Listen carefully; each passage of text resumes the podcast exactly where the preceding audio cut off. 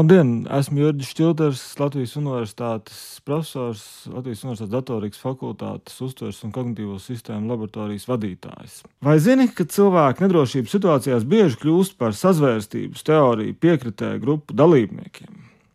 Situācijās, kurās dominē ārējā nedrošība, piemēram, Covid-19, kara apstākļi, ekonomiskās krīzes, cilvēki nereti mēģina darīt divas lietas. Pirmkārt, atrast skaidrojumu notiekošajam, kāpēc ir tā, kā ir, un vienlaikus arī rast psiholoģisku drošības izjūtu. Un nereti tas nozīmē pieslēgties kādai grupai, kas tic, ka uh, redzamie notikumi ir kādas lielas, neredzamas sazvērstības uh, redzamā daļa, Tātad šī pieslēgšanās savā ziņā ir risinājums, lai rastu vienkāršu izskaidrojumu, vienlaikus cilvēku arī grupu, līdzīgi, līdzīgi cilvēku grupu, kas domā un skatās uz procesiem līdzīgi, tādējādi rodot tādu psiholoģisku atbalstu un relatīvu mentālo komfortu. Sazvērstības teorija popularitāte nedrošības situācijās lielākoties pamatā ir tas, ka tās piedāvā vienu cēloni, kāpēc kaut kas notiek un ļoti pārskatāmu, tādu labs, slikts, melns, balts pasauli, kurā kaut kas notiek. Nu, jāņem vērā, ka ticēt vienam cēlonim vienmēr ir komfortablāk nekā cēloņu grupām. Mēs cilvēki esam salīdzinoši slinki radījumi, un mums patīk, mēs dodam priekšroku vienam vienkāršam skaidrojumam nekā alternatīvu skaidrojumu savriknējumam. Tāpēc ticēt vienam cēlonim ir savā ziņā komfortablāks risinājums.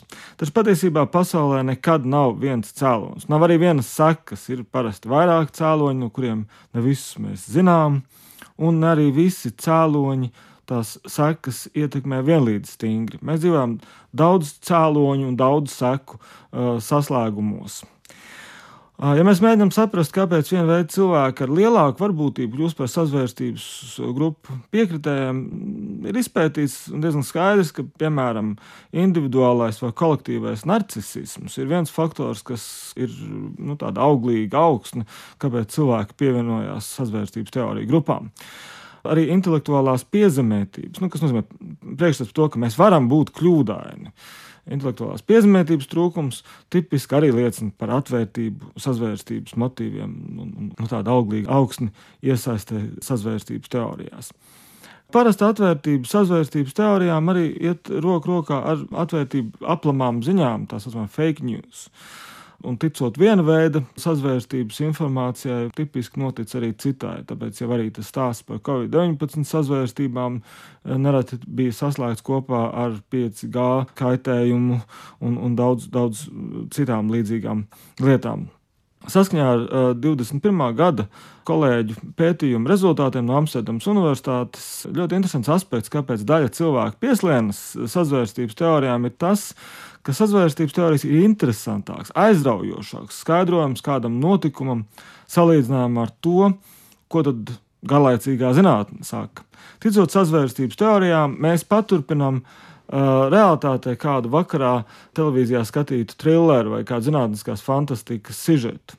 Un, uh, Tā lielākā problēma sazvērstības teoriju piekritējiem ir tā, ka ilgākā perspektīvā sazvērstības teorijas uh, rada arī zinātnes uh, noliegumu un, un, un to, ko arī sauc par demokrātisko prakšu apšaubīšanu un, un noliegumu. Tas nozīmē, ka, nu, ja mēs domājam par mūsu sabiedrības tādu līdzsvarotu attīstību, tad sazvērstības teorijas ir, ir ļoti bīstams ierocis.